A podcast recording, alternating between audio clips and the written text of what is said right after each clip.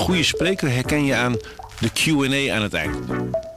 Onze lifehack-expert Martijn Aslander geeft je adviezen waar je echt wat aan hebt. Beluister en bekijk Martijn of een van onze andere experts op businesswise.nl. Businesswise, het nieuwe platform voor iedereen met ambitie. Dit is de podcast Politiek Dichtbij. Met Tobias den Hartog en Thomas Brouwer. Een onverwachte draai van de VVD zet de formatiegesprekken onder druk. Deze week kondigde de VVD-fractie in de Eerste Kamer aan voor de spreidingswet te gaan stemmen. Geert Wilders is woedend. Hij noemde het een groot probleem dat in de komende dagen moet worden opgelost. Hoe komen de formerende partijen hieruit? En hoe wankel is de positie van VVD-leider Jezelkus nu de spreidingswet zorgt voor grote verdeeldheid binnen haar partij? Dat meer bespreek ik met Tobias van Hartog en Hans van Soest.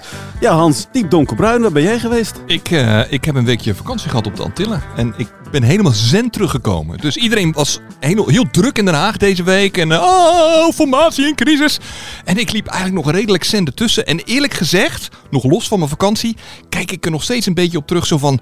Nou, nou, nou, nou, we maken ons wel weer heel druk allemaal als journalistiek. Want volgens mij valt het eigenlijk allemaal wel mee. Maar daar komen we ongetwijfeld nog op. Hè? Ja, een beetje relativering hoor ik al. Ja. Tobias, jij, bent, uh, jij bent niet weg geweest. Jij nee. hebt die docu over Caroline van der Plas uh, zitten kijken. Ja, nee, er is een, een documentaire uit over Caroline van der Plas en haar campagne eigenlijk. Hè. Uh, ja, Ier Verberda, die kennen we natuurlijk als die lollige verslaggever op Binnenhof. Maar die is de dag dat het kabinet viel, is die begonnen met opnames achter de schermen ook veel van Van, van der Plas. En heeft haar hele campagne uh, vastgelegd.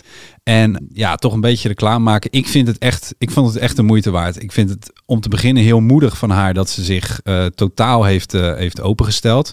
Ik snap ook uh, best dat dit helemaal in haar straatje past. Hè? De gewone vrouw zoals ze zich presenteert. En dat zie je ook echt in die documentaire. Het gaat echt over een heel gewoon mens dat een beetje ja, verwonderd door, die, door dat politieke landschap heen loopt. Maar ja, hij komt heel dichtbij. Dus het is af en toe ook enorm truttig en klein. Weet je wel, dat ze heeft dan in het geheim de nieuwe BBB-kandidaten. Dus op dat moment in de campagne heeft ze de kandidatenlijst nog niet gep gepresenteerd. Maar dan heeft ze die kandidaten wel, waaronder Mona Keizer, uitgenodigd bij haar thuis. En dat is echt zo'n kringetjesverjaardag in een rijtjeshuis in Deventer. En heel kort daarvoor staat ze nog samen met haar zoon oude uh, hondenbrokjes onder een poep vandaan te stofzuigen. Weet je, het is... Ze vindt nog twee batterijen daar. Ze vindt nog twee batterijen daar zo van, oh, yep, daar zijn ze. Ja, het is allemaal heel, uh, ik, ik vind dat uh, dus heel moedig. En ik snap, je kan het ook cynisch zien, dat het precies de promo is die zij ook wil. Hè. Daarom zat ze ook deze week met, uh, ja, hier bij, uh, bij Renzo om die, die documentaire een beetje te verkopen. Ja, ze was heel blij met die docu. Precies, ja. Nou, dat wil je als maker meestal niet nee, horen. Nee, ik denk dat jij hier ook daarvan zal denken van, nou ja, goed. Maar aan de andere kant, het is een eerlijk, tenminste, het is een heel naakt portret geworden. En dat, dat vond ik uh, wel de moeite waard. En er zit ook, ja, ze laat zich ook emotioneel wel in de kaarten kijken. Dat weet je, het is wel fijn als je met dit soort dingen, dat je wel iemand hebt, weet je wel. Ja, dat is toch. Dat voel je dan nog extra. Of niet? Ja.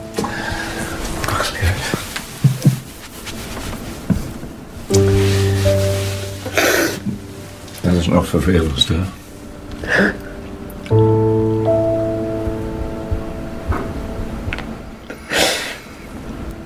Ik denk wel, ja, normaal gesproken ga je naar huis.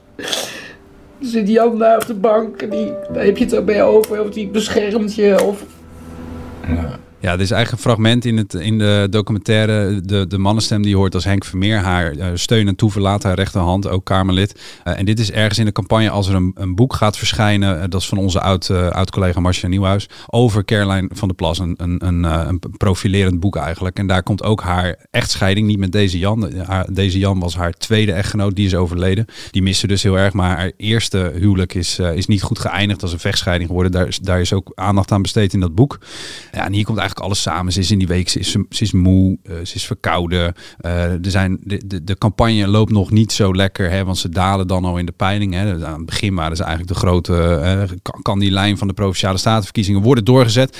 Ja, dat, dat valt een beetje tegen. En, en ja, dan, dan heeft ze gewoon een, een hele moeilijke dag en dan mist ze haar man. En ja, dit, dit je hebt nergens het gevoel dat ze dit uitbuit of zo. Dit is gewoon, dit is volgens mij echt wel oprechte emotie. En dat laat ze dus allemaal wel vastleggen. Dat vond ik, vond ik moedig. Ze was ook oprecht heel moe op ja. dit punt in de campagne. Ik bedoel, we hebben er natuurlijk van nabij meegemaakt. En op een gegeven moment zijn al die lijsttrekkers, weet je wel, die, die, je moet je voorstellen, die laatste weken voor zo'n campagne, echt elke dag is van minuut tot minuut, zit helemaal vol gepland met media optredens, optredens voor de achterban, noem maar op. Die zijn kapot kapot. Weet je, ze zijn echt helemaal kapot. En als het dan ook nog eens een keer niet lekker loopt. En ze was ook nog eens een keer ziek. En Ja. nou ja, eh, dus eh, het werd er even te veel. Ja, en dan, dan zie je, dat vind ik dus, dat is een beetje de rode lijn voor mij in die documentaire. Het is allemaal maar, het is ook gewoon maar mensenwerk. En ja, die politici doen het zichzelf aan. Ze willen zelf in de spotlight en belangrijk zijn, maar het is ook maar gewoon klein en mensenwerk. Je ziet ook, eh, dat vond ik wel een hele mooie scène in de documentaire, is dat als dat, dat boek waar we het net over hadden dan uit gaat komen, dan, dan zit zij een beetje te filosoferen van ja, hoe moet ik daar dan op reageren? En dan zegt haar moeder eigenlijk van joh,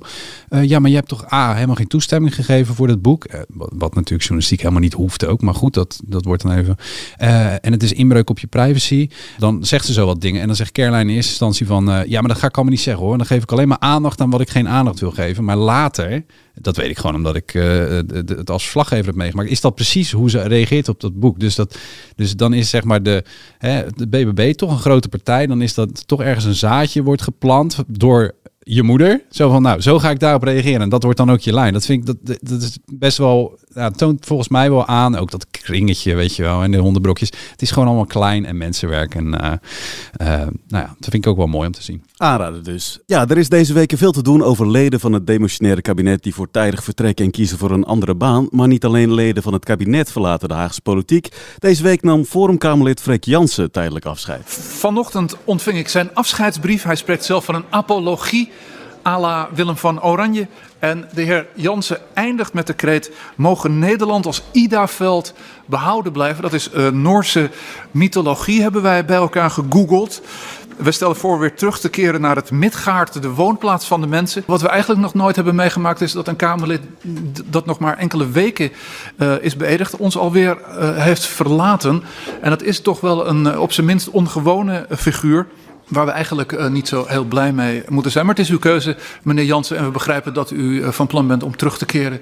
Dus eh, laten we zeggen dat we daar naar uitzien. Hans, ik zie jou popelen. Ja, ik moet bekennen, ik geniet wel een klein beetje van de manier waarop eh, Kamervoorzitter Martin Bosma uh, Freek Jansen hier te kakken zet. En volkomen terecht. Laten we even eerlijk wezen. Ik bedoel, we hebben het, we maken ons allemaal druk over. Oh, eh, Ernst Kuipers gaat weg, eerder weg. Dit is een Kamerlid, dat gaat weg. Niet omdat hij een andere baan heeft, maar omdat hij gewoon een halfjaartje gewoon, ja, thuis gaat zitten, een beetje voor de partij dingetjes gaat doen en zijn en zijn stoel even gunt aan een niet gekozen andere partijgenoot en daar vervolgens ook met wachtgeld thuis gaat zitten, terwijl diezelfde partij echt een enorme grote waffel heeft over eh, oh en het partijkartel en wachtgeld moet worden afgeschaft en dit en. Nou ja, ik, ik, ik kon er echt met mijn kop niet bij. Terecht eh, dat eh, eh, Bosma eh, hier wat eh, snerend over ging. En dan ook nog eens een keer zo'n pathetische afscheidsbrief. Inderdaad ook, ik heb hem geprobeerd te begrijpen. Is geen touw aan vast te knopen. Hij mocht hem niet voorlezen, hè? Nou hij, Bosma. eh, eh, eh, nou, hij mocht niet meer in de zaal zitten.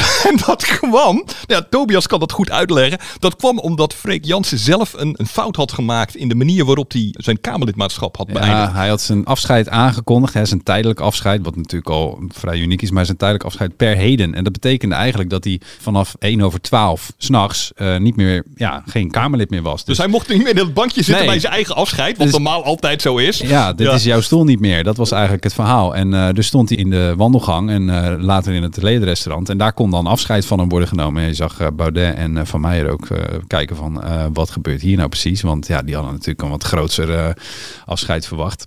Eh, maar ja, Jansen die, eh, die, die, eh, nou ja, die kon, er niet, kon er niet om lachen, maar deed er verder ook niet zo heel, heel moeilijk over. Het is wel een heel raar, ja, een heel raar wisseltje, want ja, hij staat zijn stoel dus af. In het slechtste geval dat Pepijn van Houwelingen zegt van, joh, Want die komt voor hem in de die plaats komt te voor hem in de plaats. En de bedoeling is dat, dat, dat hij wordt gewisseld. Zodat Pepijn van Houwelingen zich kan, zijn tijd kan besteden aan het voorbereiden van de corona-enquêtecommissie. Van Houwelingen zit daar helemaal in. En ze hadden zoiets van, ja, Van Houwelingen is nu niet gekozen. Maar dan kan hij er alsnog in. Dan kan hij dat voorbereiden. En dan ruilen we weer terug. Dan ga ik weer in de Kamer. Dat is heel ongewoon. Eh, en het is een, een herenakkoord. Dus als Van Houwelingen zegt, nou, zit hij eigenlijk wel goed. Ja, dan kan Jans op zijn kop gaan staan. Maar dan is hij gewoon zijn zetel en zijn baan kwijt. Maar ik sprak Jansen na afloop. En ik had wel stellig de indruk dat hij, wat natuurlijk ook vreemd is, want je wordt gekozen, dus je weet wat je te wachten staat. Maar ik had wel de indruk dat hij sowieso had van, nou, ik vind het eigenlijk wel lekker om een half jaar niet geleefd te worden. En ja, hij krijgt bijvoorbeeld ook gewoon wachtgeld. Hè? Dus gewoon 80% van, eh, van zijn salaris eh, de komende tijd. Dus ehm, ja, dat is wel, nou ja, daar kun je iets van vinden. Ja, nou, wat mij nog steeds heel erg bevreemdt aan deze wissel is dat eh, het wordt verkocht onder het mom van ja, maar Van Houwelingen gaat die enquêtecommissie voorbereiden. Alleen die enquêtecommissie is al voorbereid. Mede overigens door de commissie waar Van Houwelingen in zat. En komende week wordt nou juist de definitieve enquêtecommissie samengesteld. En die gaat dan aan de slag. En ja, die is niet eh, over een half jaar klaar. Sterker nog, in de planning is die pas eh, ergens begin 2026 klaar.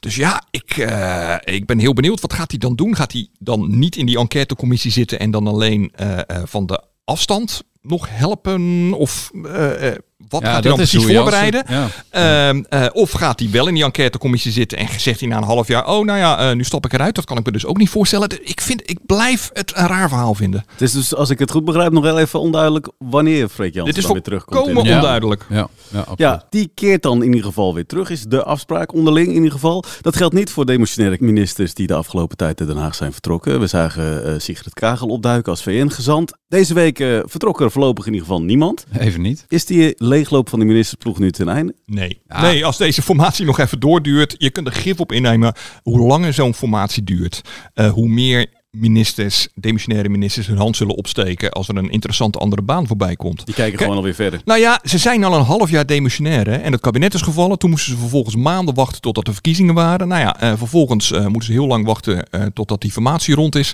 En die sfeer in het kabinet is niet meer echt heel goed. Ze voelen zich natuurlijk ook afgedankt, want al die regeringspartijen zijn enorm afgestraft door de kiezer in november. Ja, een hoop van die mensen, en niet iedereen hoor, er zitten er ook gewoon, die hebben zoiets van, we moeten, hè, we hebben hier ooit voor gekozen, dus we moeten het afmaken. Maar er zitten natuurlijk zitten er ook bij die denken, nou ja, Jongens, als ik straks geen baan kan vinden en ik zit twee maanden thuis met wachtgeld, is ook weer de wereld te klein. Dus ja, als er eens iets interessants voorbij komt, doe ik dat. En wat mij over dat laatste vertrek hè, van Ernst Kuiper, daar zit wel één ding in wat mij wel, wel echt wel veelzeggend vindt over hoe slecht de sfeer is in het kabinet, is dat niemand ook weet wat hij gaat doen. Dus hij heeft gewoon tegen Rutte gezegd, op de dag notabene dat hij die andere baan had geaccepteerd. Van, oh ja, ik heb een andere baan en ik ben nu weg. En eh, ehm, eh, ja, en je moet weten, eh, het heeft niks met belangenverstrengeling te maken. Doei. En daar moet iedereen het dan maar Mark mee Rutte doen. weet ook niet wat Nee. hij... Oké, Ja, het is toch tamelijk bizar. dat is wel opmerkelijk. Ja. toch?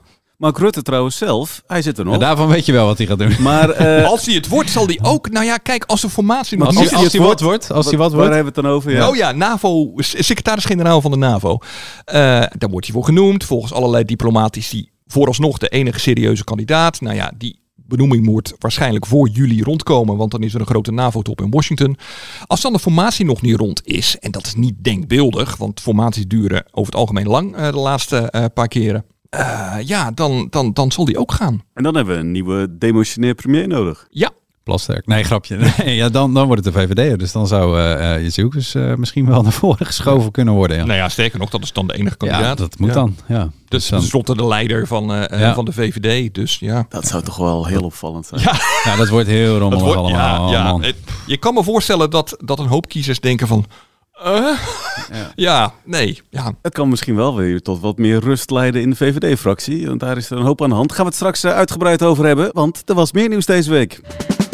De Nederlandse bevolking groeit te hard en dat zorgt voor problemen. Dat zegt een speciale commissie die op verzoek van de Tweede Kamer onderzoek heeft gedaan. Het belangrijkste advies: de politiek moet de migratie gaan afremmen. Kies politiek voor een gematigde groei. Een gematigde groei die niet overvraagt, die de economie overeind houdt en daarmee ook onderwijs, zorg en wonen voor iedereen zoveel mogelijk beschikbaar kan zijn. Volgens die commissie komt de groei van de Nederlandse bevolking de laatste jaren vooral door het aantal migranten dat naar Nederland komt. Onze welvaart zou in de toekomst onder druk komen te staan als de Nederlandse politiek geen maatregelen neemt om migratie af te remmen. Ja, Hans, hoe, zou de politiek dat dan moeten aanpakken volgens eh, die commissie? Eh, nou ja, dat kan natuurlijk. Kijk, we hebben meerdere migratiestromen. En het is al jaren zo dat in Nederland de bevolkingsgroei uitsluitend eigenlijk door migratie komt. Hè. Er worden weinig kinderen geboren, dus de bevolkingsgroei komt eigenlijk vooral van migratie. Hè. Er gaan meer mensen dood in Nederland dan dat kinderen worden geboren. En de bevolkingsgroei komt door migranten die hier naartoe komen. En dat zijn asielzoekers, eh, dat is gezinshereniging, dat is eigenlijk de grootste groep. En gezinshereniging is niet alleen asielzoekers die hun familie laten overkomen, maar ook bijvoorbeeld Nederlanders die met een buitenlandse partner trouwen en die hier naartoe laten komen. Eh, dat is arbeidsmigratie. Hè. Eh, heel veel Oost-Europese eh, werknemers die hier naartoe komen. en studiemigratie. En aan al die knoppen kun je wel draaien. Daarbij is gezinsmigratie, wat in principe de grootste groep is, eigenlijk het lastigste. Ja, je kan moeilijk Nederlanders verbieden om met iemand uit het buitenland te trouwen en die hier naartoe te laten komen. Asiel is al iets makkelijker, maar daar kun je als je tenminste eh, eh, binnen de Europese Unie eh, aan de huidige wetgeving wil voldoen, ook niet heel veel. Dus zeggen ze, je zou kunnen denken om in binnen Europa te gaan pleiten voor een soort aparte regeling van Nederland, omdat we al zo dicht bevolkt zijn. Maar goed, dat is toch iets voor de langere termijn. En voor, vooral voor de kortere termijn moet je dan vooral denken aan arbeidsmigratie en studiemigratie. Nou, studiemigratie, dat kan door onze opleidingen wat minder uh, aantrekkelijk te maken voor buitenlandse studenten. Nu Niet alles meer heel. Ja, nu zijn heel veel van die universiteiten is de voertaal Engels. Echt volkomen bizar is natuurlijk. Eh, nou, daar zou je iets aan kunnen doen. En aan arbeidsmigratie kan je ook wat doen. Daar is overigens het huidige kabinet al een klein beetje, eh heeft daar al allerlei dingen voor in gang gezet. Eh, dat zou een volgend kabinet eh, op door kunnen gaan. Eh, bijvoorbeeld domweg om ervoor te zorgen dat het voor allerlei bedrijven in de tuinbouw, slachterijen, distributiecentra, waar ze heel veel goedkope arbeid nodig hebben. Die goedkope arbeid komt vooral uit het buitenland. om dat wat minder makkelijk te maken. Dus bijvoorbeeld als jij een distributiecentrum ergens wil openen, een nieuw distributiecentrum, dat jij dus ook verantwoordelijk wordt voor huisvesting van die mensen. Want ja, nu wordt dat allemaal maar over het, eh, het muurtje bij de samenleving gekieperd. Lossen jullie dat maar op. Als je daar de werkgever voor verantwoordelijk maakt, ja, dan, dan wordt het al minder aantrekkelijk. Tobias, dat rapport dat komt wel op een eh, bijzonder moment. Het is net in een week waarin het veel gaat natuurlijk over migratie. Ja, zeker. De, de formerende partijen lezen dit ook. Maar ik zag dat eh, Wilders niet heel enthousiast reageerde, hè Hans? Nou ja, hij wilde vooral even laten zien dat het wat hem betreft nog strenger moet. Ja. Maar Wilders is natuurlijk gewoon een hele ervaren politicus. Ja, die weet ook wel dat nul migratie dat dat ook niet mogelijk is. Sterker nog, dat zei hij eigenlijk al in de campagne, Tobias. Want Ja. eh, waar hij in zijn eh, eh, verkiezingsprogramma voor een totaal asielstop pleitte, zei hij, de Geert Milders in de campagne had hij het al over zoveel mogelijk beperken. Nou, dat is al heel wat anders. Ja, over migratie en asiel ging het ook in de Eerste Kamer. Onverwacht kwam er deze week al groen licht voor de omstreden spreidingswet van staatssecretaris Erik van den Burg. De wet die ervoor moet zorgen dat asielzoekers beter over het land worden verdeeld. De VVD-fractie in de Eerste Kamer kondigde aan de wet te steunen en daarmee is het dus nu een meerderheid. Je hoort de VVD-senator Marian Kaljau. Er is nog veel te doen. Mijn fractie is zich daarvan bewust.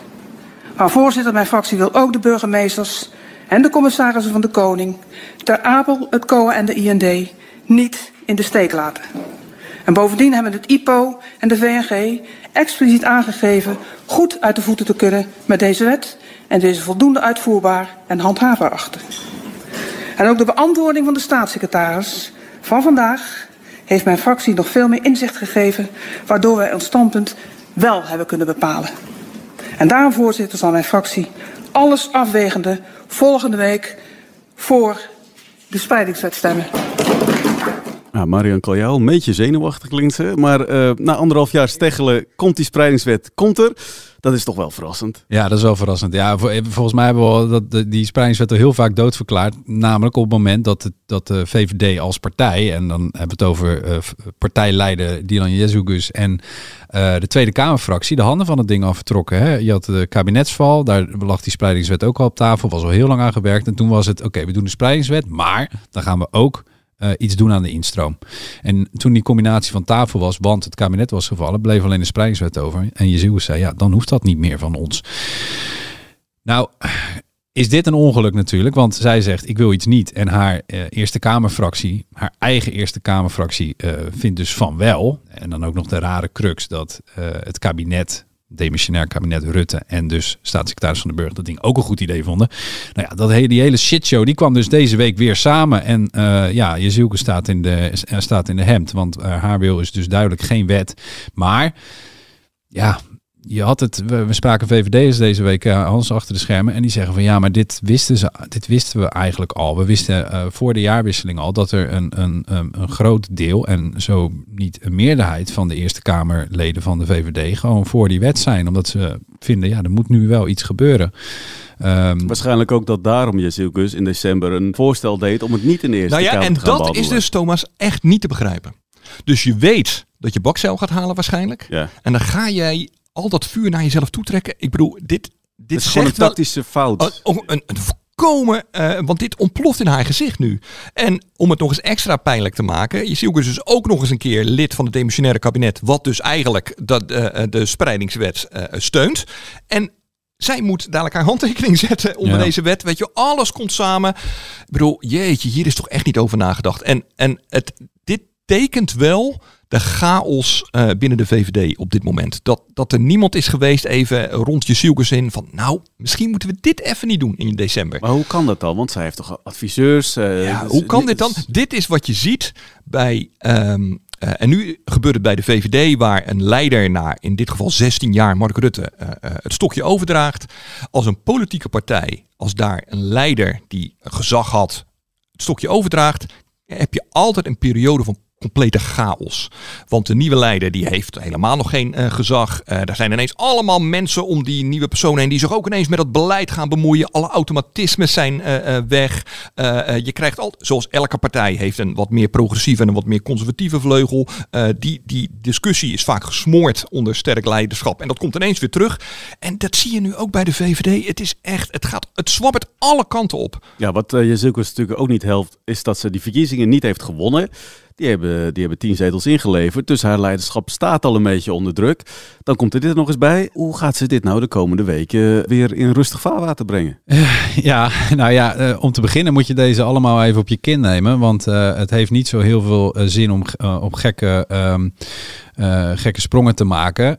Maar de verleiding daartoe is wel groot. Hè? Gisteravond zag je dat Edith Schippers, de, de leider van de VVD-fractie in de Eerste Kamer, zich genoodzaakt voelde om een brief te sturen aan alle leden om uit te leggen waarom ze dan toch voor die spreidingswet hebben gekozen. En daarbij ook benadrukte dat ze eigenlijk had vond dat gezien de verkiezingsuitslag en alles wat er is gebeurd, het misschien niet in de reden had gelegen om die wet nu te behandelen. Maar hij is er nu, we moeten het ermee doen. En we doen het er dus ook mee. Dat tekent wel van uh, de, de onrust in de top van de VVD. Want ja, die zien ook een totaal verdeelde achterban. Hè? Uh, uh, Rechts-links, wel met de PVV, niet met de PVV, wel een spreidingswet, geen spreidingswet. Ja, dat is. Uh... En mag ik daar nog één ding aan toevoegen? Dit is dus de tweede keer in een maand tijd dat de top van de, de, VVD zich genoodzaakt voelt om met een soort van brief aan de achterban uit te leggen waar ze eigenlijk mee bezig zijn. Want vorige maand gebeurde dat na de beslissing, uh, uh, nadat Jezielgus had gezegd: ja, we willen wel praten over een nieuw kabinet, maar we gaan alleen gedogen en we willen er niet instappen met de PVV. Dat leidde ook al tot heel veel onrust in de achterban. Toen moesten, ze, ja, toen moesten ze advertenties ja. zetten in de kranten om het even uit te leggen. Dus dit, dit geeft wel aan, die partij is zoekende. Op zoek naar een nieuw evenwicht, naar een gezag en een koers. Ja, en dan komen er natuurlijk ook de vragen wat dat dan betekent voor het leiderschap van Jezus. Zij zelf zei daar deze week dit over. Ik, heb, uh, niet, ik, ik bel niet ochtends mensen om te zeggen hoe ze zich moeten gedragen. Uh, zij maken zelf een afweging. Dat is ook in de Eerste Kamer gebeurd. Zo hoort dat ook. Uh, dus ik begrijp dat u die vraag stelt, maar die is niet relevant hier. Het gaat tot nu toe toch niet, toch niet heel soepel als leider van de VVD. U heeft de verkiezingen niet gewonnen. Uh, nu dit met de spreidingswet. Wat is uw toekomst als leider nog van de VVD? Weet je, in de kern zit ik wel aan die onderhandelingstafel. Ga ik daar wel mijn stinkende best doen om alle punten voor de VVD binnen te halen. Maar ook verdeling over rest in de VVD. En zijn we net begonnen. En in de VVD wordt inderdaad verschillend gedacht over een heleboel verschillende onderwerpen. Het gaat nu vandaag over asiel. Het zou zomaar kunnen dat ik binnenkort over een ander uh, onderwerp voor de Kamer sta. We zijn een brede volkspartij en er zijn verschillende ideeën. Maar in de kern, zeker op dit onderwerp, dat kan ik u verzekeren, instroom beperken en daarna een eerlijke verdeling conform verkiezingsprogramma. Daar vindt iedereen zich. Het is niet onwaar wat ze zegt. Hè. Het gaat om de volgorde der dingen. Wat zij het liefst had gewild is eerst, of tegelijk, maar het liefst eerst de instroom beperken en dan de spreidingswet. Want ook in de achterban van de VVD is een, uh, is een, uh, een meerderheid daarvoor. Maar ja, het, het is gewoon niet lekker als je VVD, eerste fractie, niet naar je luistert. Uh, als je de verkiezing hebt verloren. Als je een cruciale fout gemaakt door de PVV, de deur open te zetten voor de PVV. Als je met zo'n motie komt om die spreidingswet uh, te parkeren, wat het niet haalt en iedereen lachen. Ja, dat, het is gewoon, het, het, het, de wind staat echt even tegen. Hoeveel blauwe plekken kan uh, Jezus uh, hebben eigenlijk? Nou, nou, dan ga ik weer even in mijn zenmodus. Uh, dat we vast, nu hè? ook, ja, ik hou hem zo lang mogelijk vast.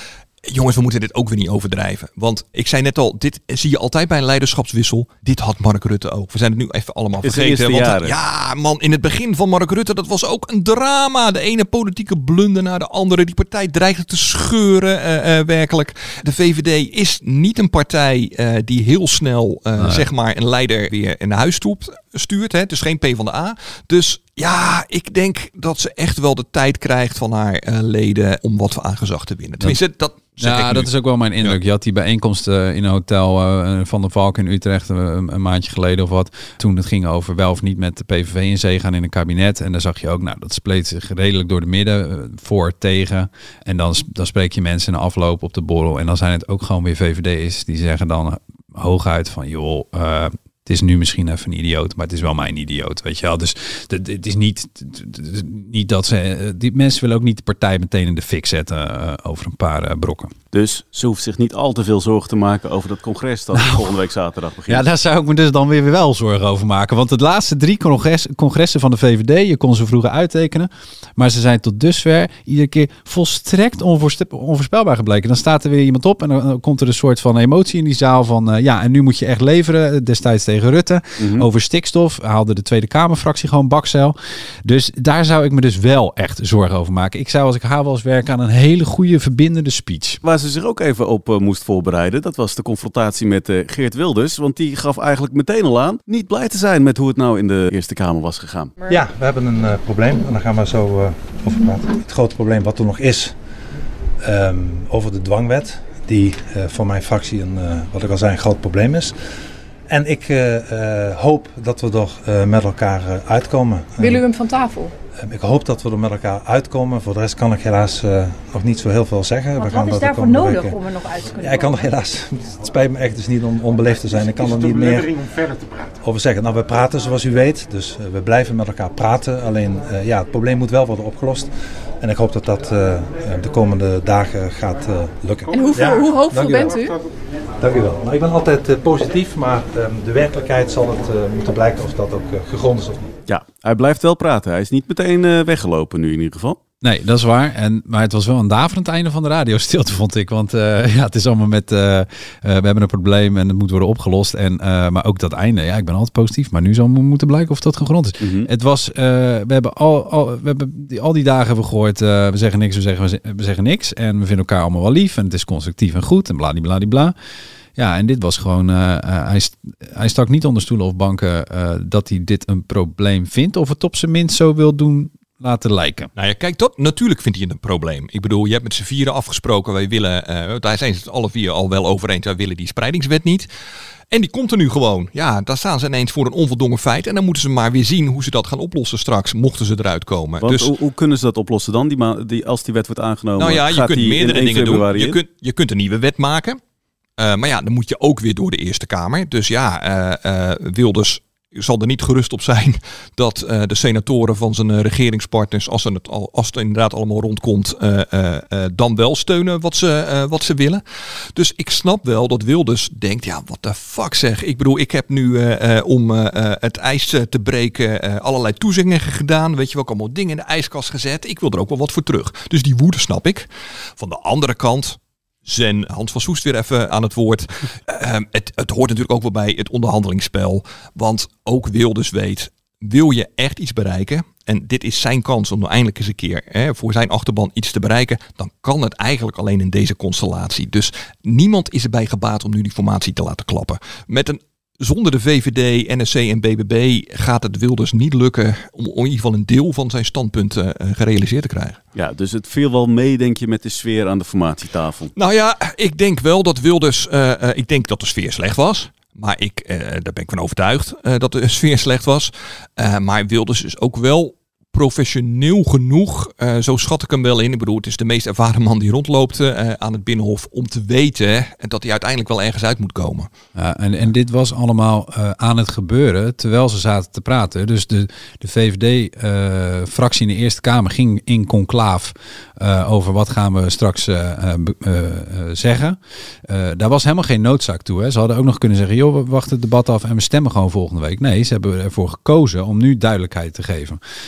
Wat daarvan de reden is, geen idee. Maar ik weet wel, op het moment dat eh, Schippers eh, in de Eerste Kamer met haar fractiegenoten eh, dit zat te bespreken, had zij contact met eh Jezielgus, die aan de onderhandelingstafel zat met die andere drie. En ja, op enig moment is daar het seintje gekomen van, joh, wij gaan toch instemmen met die wet. Dat heeft Jezielgus voor zich gehouden. Vervolgens is het formatiegesprek ten einde. Iedereen loopt naar buiten, gaat naar huis.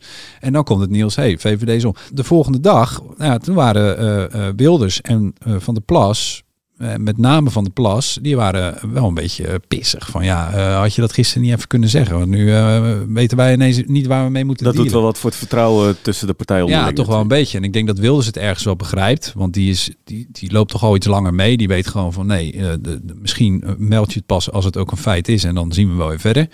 Ehm, maar Wilders heeft natuurlijk wel een andere irritatie. Je moet je voorstellen, hij kwam aan op die Zwaluwenberg vorige week in die villa, waar het allemaal zo gezellig was in dat, op dat, met dat knisperende haardvuurtje. Maar je moet je voorstellen, hij is zich milder gaan opstellen. Hij is uh, drie initiatiefwetsvoorstellen in de ijskast gezet. En die dagen uh, uh, in Hilversum, toen had hij van de VVD Ilko Heijnen tegenover zich, toen het over financiën ging. En Wilders wil een aantal dingen die best duur zijn. Uh, tand, tandarts terug in het basispakket, uh, eigen risico naar nul. Dat kost heel veel geld. En bij de VVD hebben ze, daar is Ilko Heijnen, die staat op met één opdracht. Die zegt, dat is te duur. Want die wil fatsoenlijke overheidsfinanciën. En dat geldt ook voor uh, Pieter Omtzigt. Dus ik kan me voorstellen dat Wilders inmiddels al een paar keer nee heeft gehoord. Ja, en dan op asiel, waarvan je hoopt, nou, daar moeten we binnen 10 minuten uit zijn. Want daar moet er eindelijk eens wat op gebeuren, vinden ze alle vier ja, daar gaat, heb je dan deze brokken ineens. Ja, ik kan me voorstellen dat, je, dat hij dus van de week echt even stikchagrijnig was. Ja, dan moet er nog heel wat worden weggemasseerd door uh, Ronald Plasterk. Die is in ieder geval nog hoopvol. Ik geef nooit inschattingen van kansen. En ik heb gisteren al gezegd, problemen zijn er om opgelost te worden.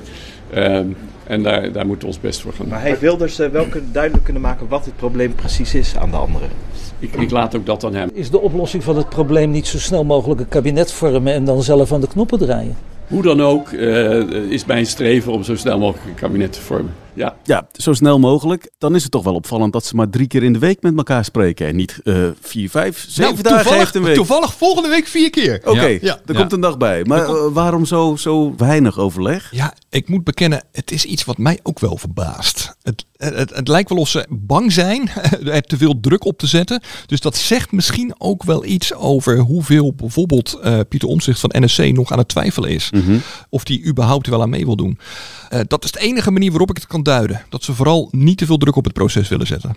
Gewoon ook even de ruimte hebben om nog even met de achterban of ja. met... Uh, nog even te, te, te, sparren. Ja, en je moet niet onderschatten, die mensen, ik bedoel, ze, ze hebben nu wel een reces gehad natuurlijk, uh, ook even. Uh, maar ja, ze zijn natuurlijk ook een beetje versleten uit die campagne gekomen.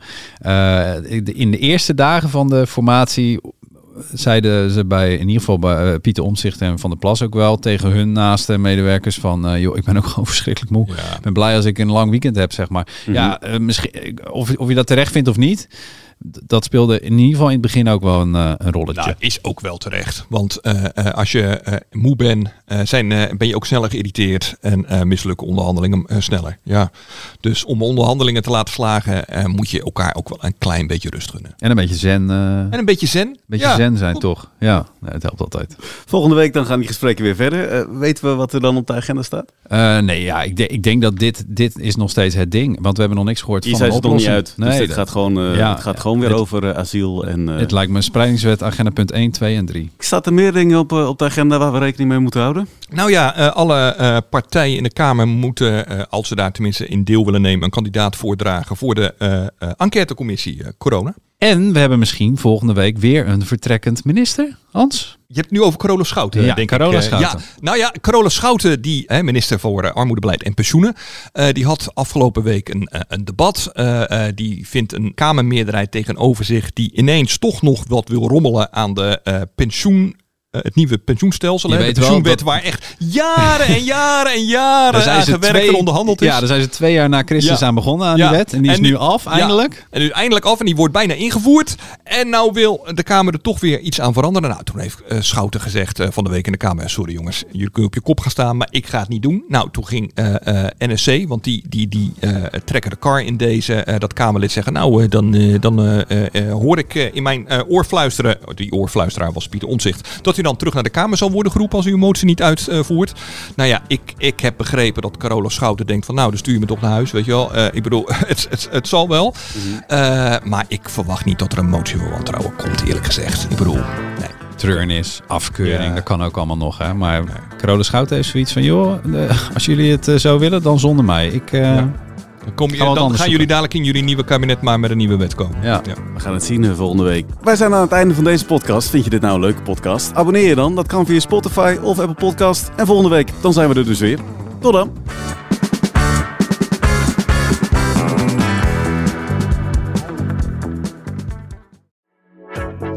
Een goede spreker herken je aan de Q&A aan het eind. Onze lifehack-expert Martijn Aslander geeft je adviezen waar je echt wat aan hebt. Beluister en bekijk Martijn of een van onze andere experts op businesswise.nl. Businesswise. Het nieuwe platform voor iedereen met ambitie.